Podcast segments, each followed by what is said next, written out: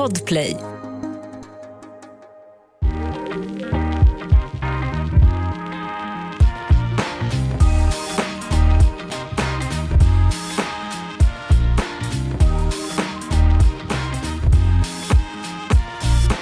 Hej och välkomna till ett nytt avsnitt av Gravid.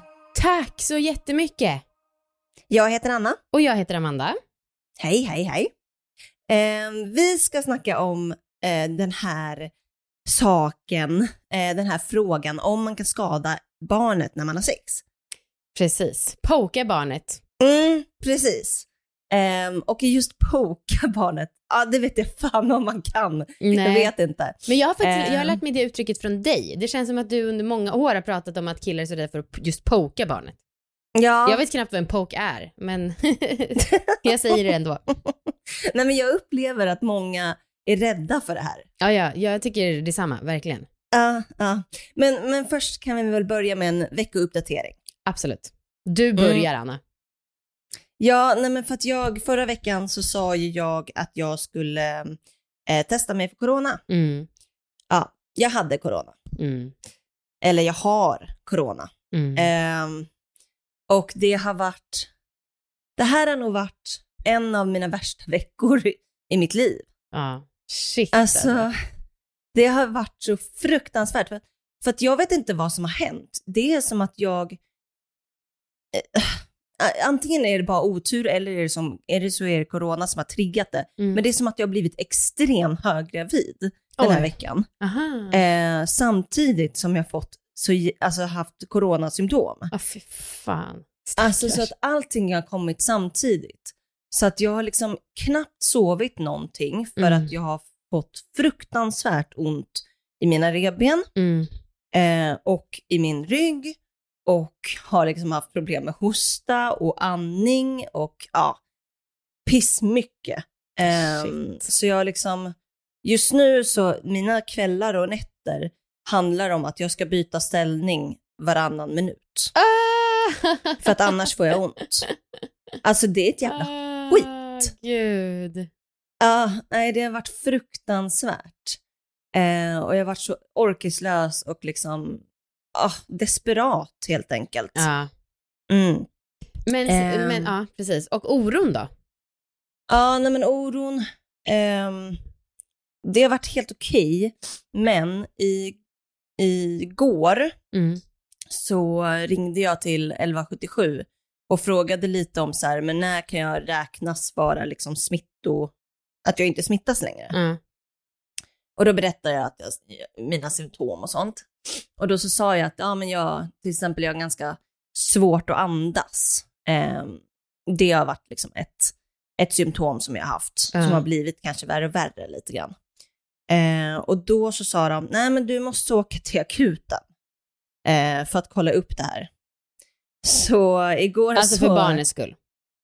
Ja, Mm. eller ja, mm, jag vet inte riktigt varför. Mm. Men jag åkte till akuten eh, och allt var liksom kaos. Och de, när de fick höra att jag var gravid så var de så här, varför, vad gör du här? Varför är du inte på förlossningen? Och då Mm. blev jag skitnojig. Ehm, för då tänkte jag, men gud, kan det här verkligen göra så att, alltså kan min syretillförsel till barnet bli skadat av att jag har svårt att andas? Ja, ah, för fan vad hemskt. Jag- då blev jag skitnojig. Såklart. Ehm, men ja, det, det, allting visade sig vara lugnt. Och jag ringde även till förlossningen sen. Mm. Eh, och de sa att äh, så, länge, så länge du känner barnet och det rör på sig som det ska så är det ingen fara. Okej, ja. Ja, men det har varit, eh, det har varit en pissig jävla vecka. Ja, gud, jag förstår det. Ja. Äh, Hur mår du och ditt barn? Eh, ja, jag vet inte, jag har nog inte så mycket att säga faktiskt. Det är ju typ samma stad som förra veckan, att jag mm, känner lite att jag håller på att gå under, men det har varit bättre Mm. de två senaste dagarna för då har jag fått sova lite mer och, och så. Ehm, men alltså det där med huruvida du skulle åka till förlossningen eller närakuten eller vad det var, Ja.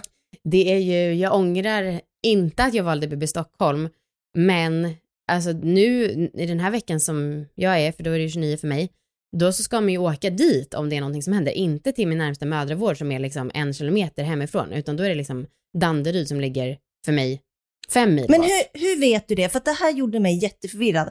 För att Mm. 1177 då hänvisade mig till närakuten. Ja. Ehm, Nej men jag då- vet det för att på telefonsvaren till våran gemensamma barn BVC, BBM, eh, så säger de det i telefonsvaren. Om det är efter vecka 25, då så ska du ringa till förlossningen istället. Jaha, Ja.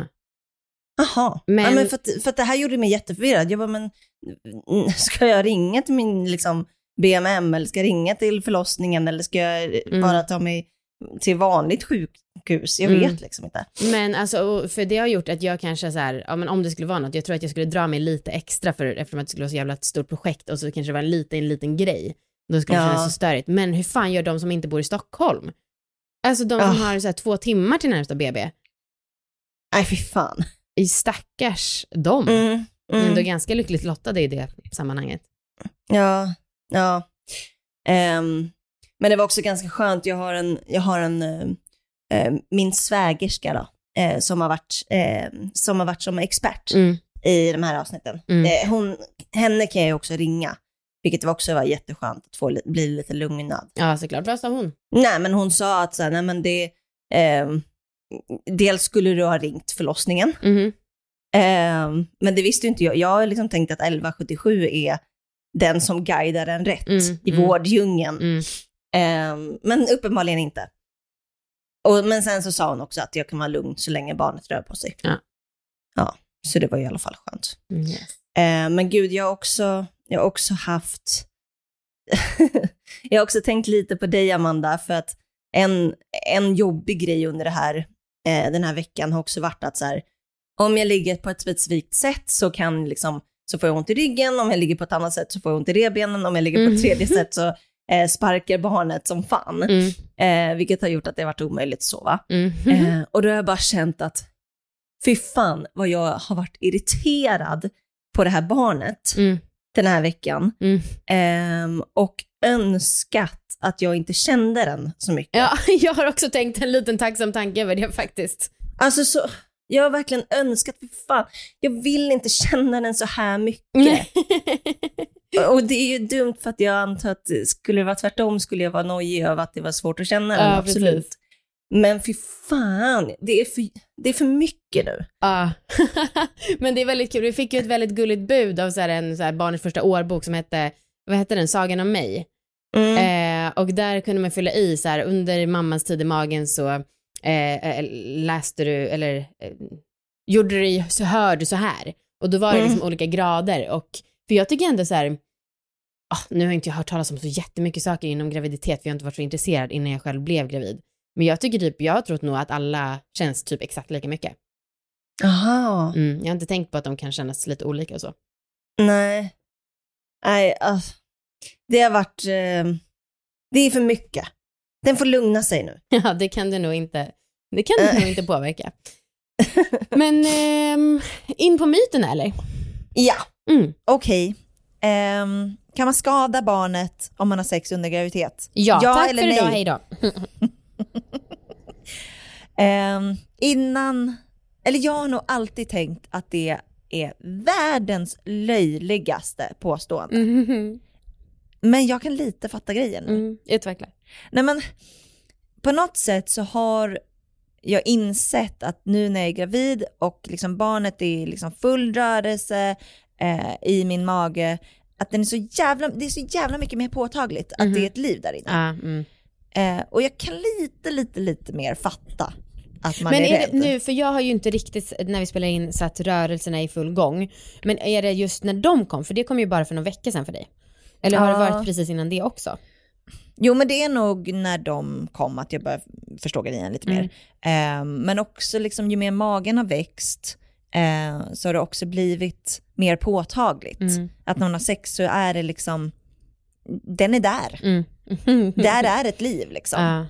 Eh, sen så tror jag, alltså när jag tänker på det logiskt, så nej, Marcus kuk kommer inte att liksom snudda vid den. Den är inte så jävla smal att den vet åker in i aldrig. min livmoder. Stor, smal och lång, som en piprensare.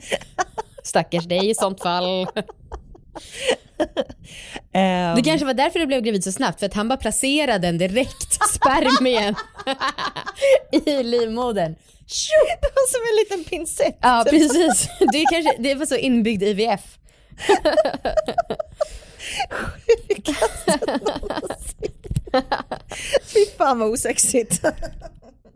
Men ja, som, eh, som du sa när, när bebisen sparkar. Mm. Jag tycker ju att det, tanken på att ligga i anslutning till det, mm. den är inte så himla sexig. Är det för att det känns liksom som ett övergrepp att ligga nära ett foster än fyra månaders person är närvarande eller är det något annat? Jag vet inte riktigt, men på, på något sätt så tänker jag mer att min kropp är en maskin. Mm. Alltså jag, det, jag tycker att det är svårare att koppla på är ett sexiga jag. mitt sexiga jag. Ja, och det där tänkte jag fråga dig om, hur du Ja. känner. Liksom, för jag känner mig nog, jag känner mig inte osexig men jag tycker inte, alltså så här, jag tycker väl inte, jag tycker det är helt okej att ha en mage, men det är inte som att jag bara wow, jag är det snyggaste jag har sett. Nej. Eller wow, jag har aldrig mer varit i så mycket kontakt med mina kvinnliga känslor som vissa säger. Mm. Vissa säger, jag känner mig så otroligt vacker under graviditeten. Nej, det gör jag inte. Nej. Eh, men sen funderar jag också lite på om det är den här hora madonna-grejen, att man själv har svårt att tänka att typ en morsa kan vara en sexig varelse. Jaha, utveckla. Ja men jag vet att det var någon när vi intervjuade någon inför alla våra ligg som pratade om det, att det är så här, att förstå att en mamma också är en sexuell varelse är något som vi fostrade in till att inte tänka. Aha. Och att, att, att jag tycker också att det känns, jag tycker att det direkt, känns direkt osexigt ordet morsa. Mm. Eh, Men milf då? Jo, milf, men då är man ändå lite äldre, då har, det är inte att man har ett spädbarn som kräks. Nej okej. Och inte heller att man är gravid. Nej okej. Jag är liksom inte riktigt milf än, Nähä. men det kommer, tro mig. eh, nej, men, då funderar man, det är lite det. Och Ja. också killarna, alltså så här, Victor var ju i början att han tänkte, Åh, hjälp hur ska det bli av sex? Och inte då att han trodde att han kunde skada barnet, Nej. utan att han tänkte att, ehm, ja men så här, porrigt sex, ska vi liksom deepthroatas här? Det är opassande. Ja det är verkligen hora madonna-komplexet. Ja, Ja. Eh, Men det kom man över väldigt snabbt. Men det är lite, ja. lite Nu sån... deepthroaten är bara så in i helvete. In i helvete. Eftersom att man kan ju skada barnen vaginalt så då blir det bäst. Just det. Ja. Gud, vi kanske borde ha lite så varningstexter eftersom man inte vet att man lyssnar. Den här podden är ju inte allvarlig som sagt. Nej, det är sant. Triggervarning, deep throat Kul att kunna chocka någon ytterligare person. eh, Ja, nej, men jag, så här, jag, jag känner mig nog ganska snygg. mm. Eh, sen tycker jag ju att, jo men jag känner mig nog rätt snygg. Mm. Ehm, Alltså så, som att du upplever en skillnad också mot innan. nej men jag, jag känner mig nog inte lika mycket- sexig. Nej. Men jag känner mig nog mer vacker Mm. på något sätt. Mm. Ehm, och det är ju härligt. Mm. Ehm, men det är ju svårt med den här sexigheten när, eh, när jag hela tiden tänker att det är någon där inne. Mm. Ehm, och även så här, för nu så, ska ju, nu så kan det ju komma bröstmjölk, det har inte gjort det. Mm. Men det kan ju komma bröstmjölk. Och tanken på det Mm. känns inte alls kul. För Marcus har alltid varit en boob guy. Mm. Eh, Typ, alltså på den nivån, ni som inte har hört oss tidigare, att han nästan får stånd bara att se Annas bröst. Ja, absolut. Till och med absolut, ja vad är det för konstigt med det? Herregud. Nej men och då känns det, det känns liksom otänkbart att Marcus skulle liksom gå ner och slicka på mina bröstvårtor. Mm.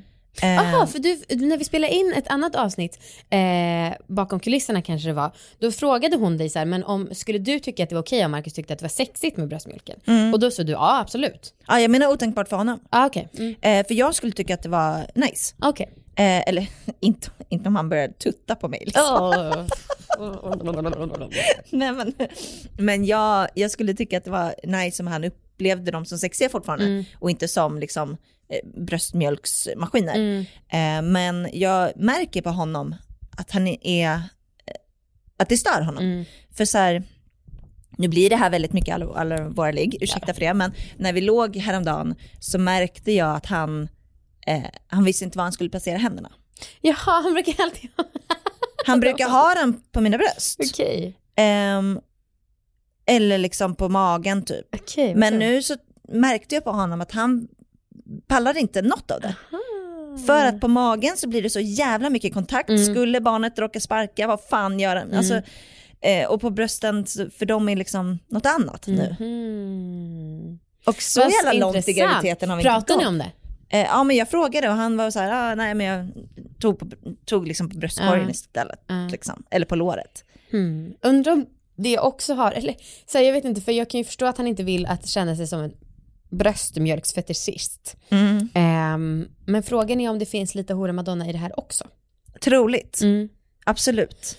Det kan jag tänka mig. Och man kan ju inte liksom bli arg över det direkt. Nej, Alltså- för jag känner ju likadant. Ja. Alltså jag känner ju likadant att det är, min kropp är något mer än ett sexobjekt som jag var 100% innan. Vem är Anna? Nej men det är hon det där sexobjektet. Och den här knulldockan.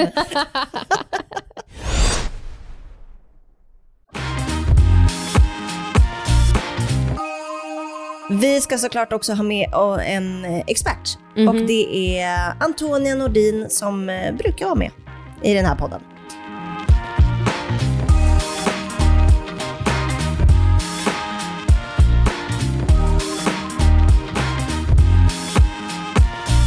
Hej igen Antonia! Halloj! Halloj! Eh, sex, det är så barnet blev till. Det vet ni. Ja. Och Slut. Eh, när man väl har fått till ett barn inom sig, kan man skada barnet om man fortsätter ha sex? Nej, man skadar inte barnet när man har sex. Nej. Nej, så Vadå, Sexa Rakt på. av nej. nej, man skadar inte barnet av att barnet ligger jätteväl skyddat inne i livmodern. Mm. Så om ni tänker, tänker en kvinnas eh, underliv, vulva, vagina, in, in i slidan kommer penis, om man nu har penetrerande sex, det vill säga med Yes. en manlig partner. Mm. Livmoderhalstappen känner ni till? Ja. Den här delen av livmodern som liksom sticker ner i slidan. När man är gravid, då är den så smart så att den liksom gömmer sig. Den vinklas bakåt och försvinner lite grann så. För att man inte ska komma åt den. Och för att det inte ska vara lika stor risk att det smyger upp bakterier där. Aha. Och i den öppningen som är i livmoderhalstappen så är det dessutom en jättekletig slempropp. Med lite bakteriedödande medel. Så att det inte ska komma in bakterier. Och sen Wow, det är så därför smart. Innan, ja, Och innanför den, om man nu ändå ska envisas och liksom upp dit och peta av någon anledning, vilket man inte kan, men för, Om man är jättelång och jättesmal. Om man är jättelång och jättesmal, typ gynekolog med instrument. Mm. Ja, eh, Det finns, sån, det, det såna. finns Ja, sådana. det finns så, människor av alla sorter. ja. Nej men om någon skulle få för sig att uh, mixtra lite grann med saker man inte ska mixtra med och, och ge sig in i livmoderhalstappen, vilket är jättesvårt med tanke på att den har gömt sig bakåt. Man ska ju och liksom tappen inte är dit och göra. smal. Jag höll på med det här ganska mycket. Ja. Alltså känna lite och så. Den är ju, det är ju smal öppning. Ja, alltså om man tittar in, om, om man säger så här, om ni tänker att ni inte är gravida, utan ni, ni är ogravida och ni har ägglossning, så att nu vill livmoderhalstappen bjuda på sig, den Mm. tittar fram och visar sig.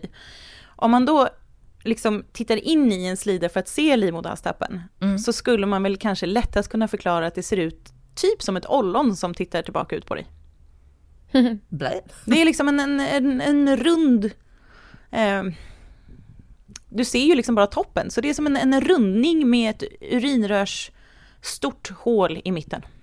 Jaha. Så ungefär som ett ollon. Det, är- Ah. Alltså det är ju väldigt grovt beskrivet, men, men ändå för att man ska förstå när man pratar så här. Okej. Ja.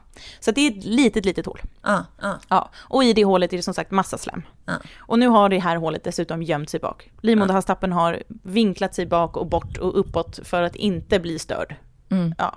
Och innanför det här slemmet så är det dubbla hinnsäckar runt fostervattnet.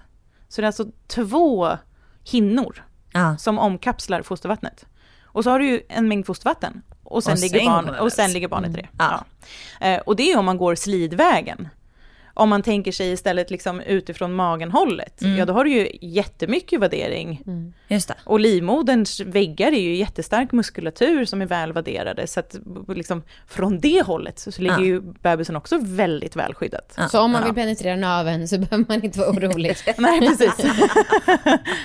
Men och, och det är liksom oavsett hur hårt och rough sex man har. Eh, Ja, alltså nu ställer du ju en fråga som såklart måste tas i, i sitt sammanhang. Eh, Mm. har man kommit en bit i graviditeten, exempelvis, om man har en stor mage att ta hänsyn till, så Mm. är det ju där att man vill ju inte vara för hårdhänt mot magen, även om barnet ligger väl skyddat. Så, så vill man ju inte ha, ja men, som vi säger då, trauma mot magen. Nu, nu blir det ju liksom inget hårt trauma av, av sex, men det är helt enkelt inte bekvämt eller fördelaktigt att hålla Nej. på och buffa och boxa och ha sig mot en stor mage med bebis i sig. Mm. Men jag eh, gillar att ha sex liggandes på mage och bakifrån missionären typ. Mm. Ehm, mm, och jag har också gått en del på massage och då kan man ju lägga en kudde under sig.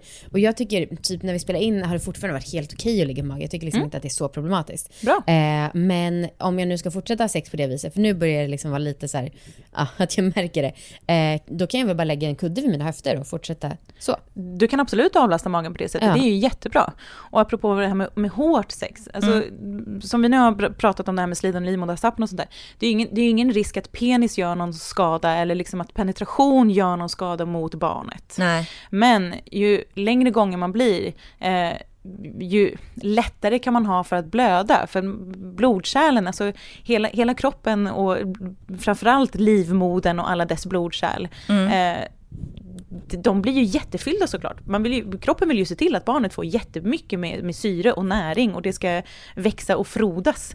Så att man kan bli ganska lättblödande i livmoderhalstappen och, och eh, i slidan. Så har man då väldigt hårt sex, Ja, då kan det ju framkalla blödningar. just det. Och det kan, det kan man ju inte avfärda hur lätt som helst. Utan det bör man ju i så fall kolla upp för att utesluta att för att tänka att det är just från sex och inte någonting annat. Så av Ja. den anledningen så kanske det inte är så kul att ha hårdhänt sex. Nej, och det är väl inte så bra att blöda onödigt mycket, eller?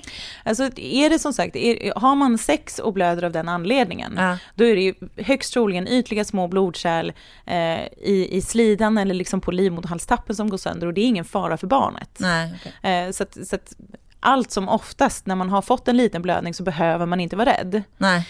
Men det blir ju såklart väldigt jobbigt om man varje gång man har sex får en liten blödning och så måste man ringa och säga hej jag har fått en liten blödning, hur ska jag tänka, vad ska jag göra? Liksom. Ja, så att, eh, så att av den anledningen om man, om man ändå kan finna njutning av att ha sex på andra sätt än det här hårdhänta så, så kan väl det vara fördelaktigt när man kommer en bit in i graviditeten. Ja.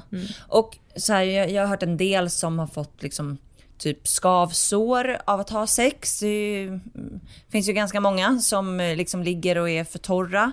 Eh, och vad jag har hört så kan man få torra slemhinnor också när man är gravid.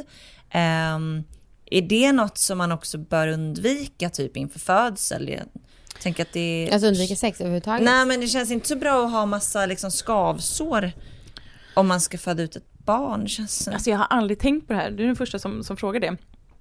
Jag, ehm, jag tänker att nyttan med sex och sexuellt umgänge och njutning med sin partner eller sina partners måste väl någonstans trumfa rädslan av ett skavsår vid förlossning. Ja. Och jag menar verkligen inte att man, man ska ha sex och få skavsår. Alltså det är Nej. självklart dåligt oavsett. Precis, det är Äh, väl det men- bästa att man kommer till bukt med de här skavsåren oavsett förlossning eller ej, oavsett om man är gravid eller ej. Mm. Eh, Men, men om det nu är så att man är gravid, man vet att man har en tendens att få skavsår, eller man kanske till och med har skavsår. Nej, man ska inte vara rädd inför förlossningen för de skavsåren, det tycker jag inte. Nej, Nej. nej. Och, och man får torrare slemhinnor. Man får torrare slemhinnor och det är samma när man eh, ammar, Ja. så får man också betydligt torrare slemhinnor. Betydligt till och med. Mm, betydligt, för då... Eh, I och med att moderkakan kommer ut, alla de här graviditetshormonerna, fuff säger du ju, så dyker ju de. Mm. Eh, så man får en jättehormonell omställning. Eh, och de hormonerna som istället tar över, eh, bristen snarare på graviditetshormoner, gör att man blir väldigt torr om slemhinnorna. Framförallt östrogenbristen gör att man blir torr om slemhinnorna. Ja. Eh, då kan man, man kan köpa glidmedel, man kan till och med köpa, jag tror att det finns östrogenkräm receptfritt för just det här ändamålet på apoteket.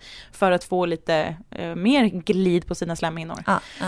Eh, och det kan vara en jättebra idé och bra att veta om också, att, att ta hjälp av det och testa. Men, eh, men absolut att man blir torrare i slemhinnorna när man, när man ammar. Ja.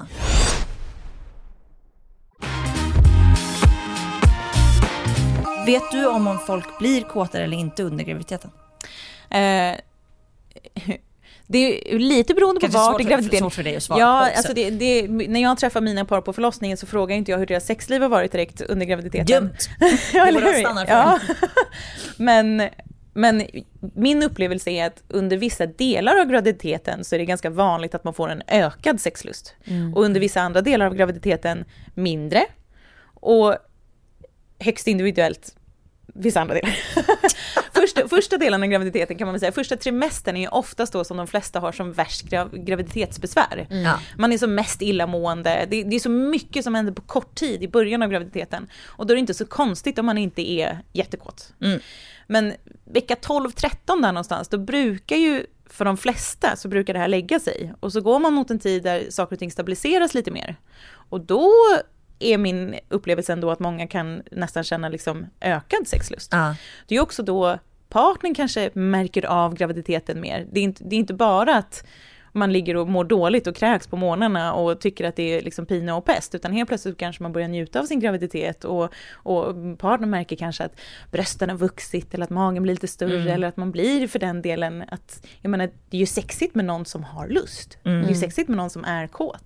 Gud, jag måste, bara, jag måste bara inflika en grej.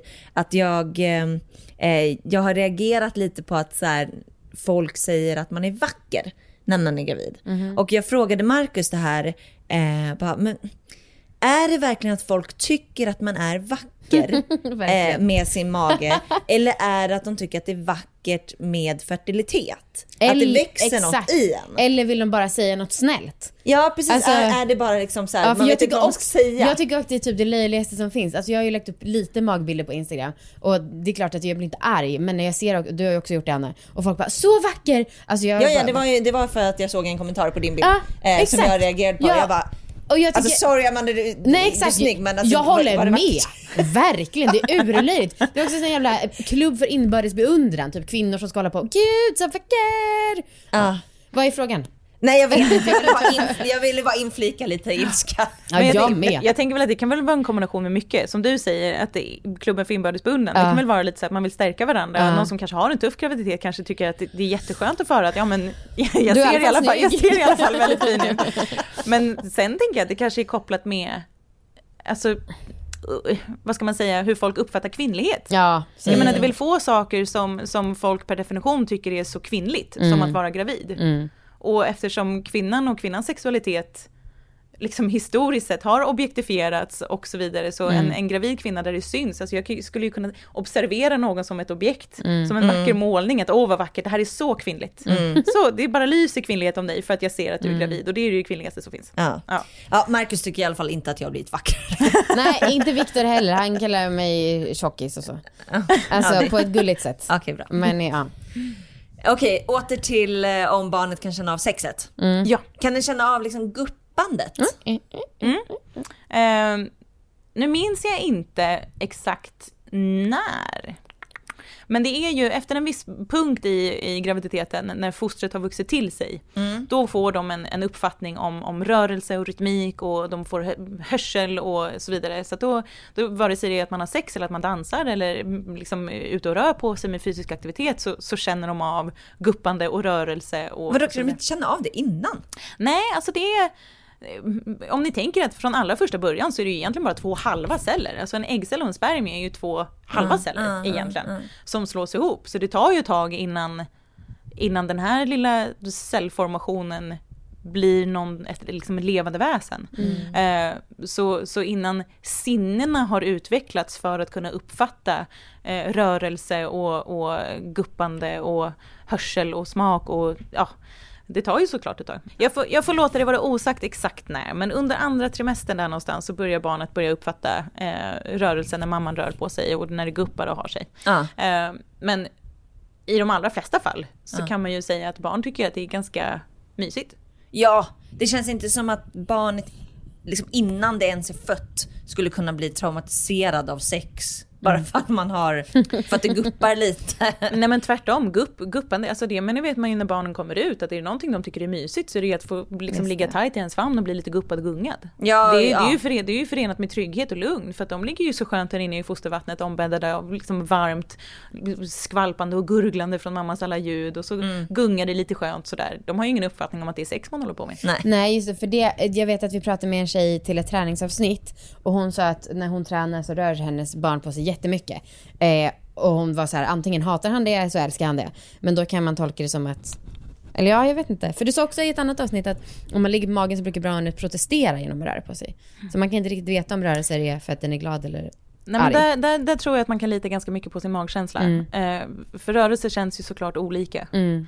Och jag kan mycket väl tänka mig att man känner skillnad på när ett barn, om man lägger sig på mage Mm. och barnet protesterar, så kommer man nog känna skillnaden Mm. på den typen av rörelser Mm, mm. kontra rörelserna som uppstår om man gör någonting som barnet tycker är mysigt. Yes. Det, det, där tror jag att man kan, man kan lita på sig själv.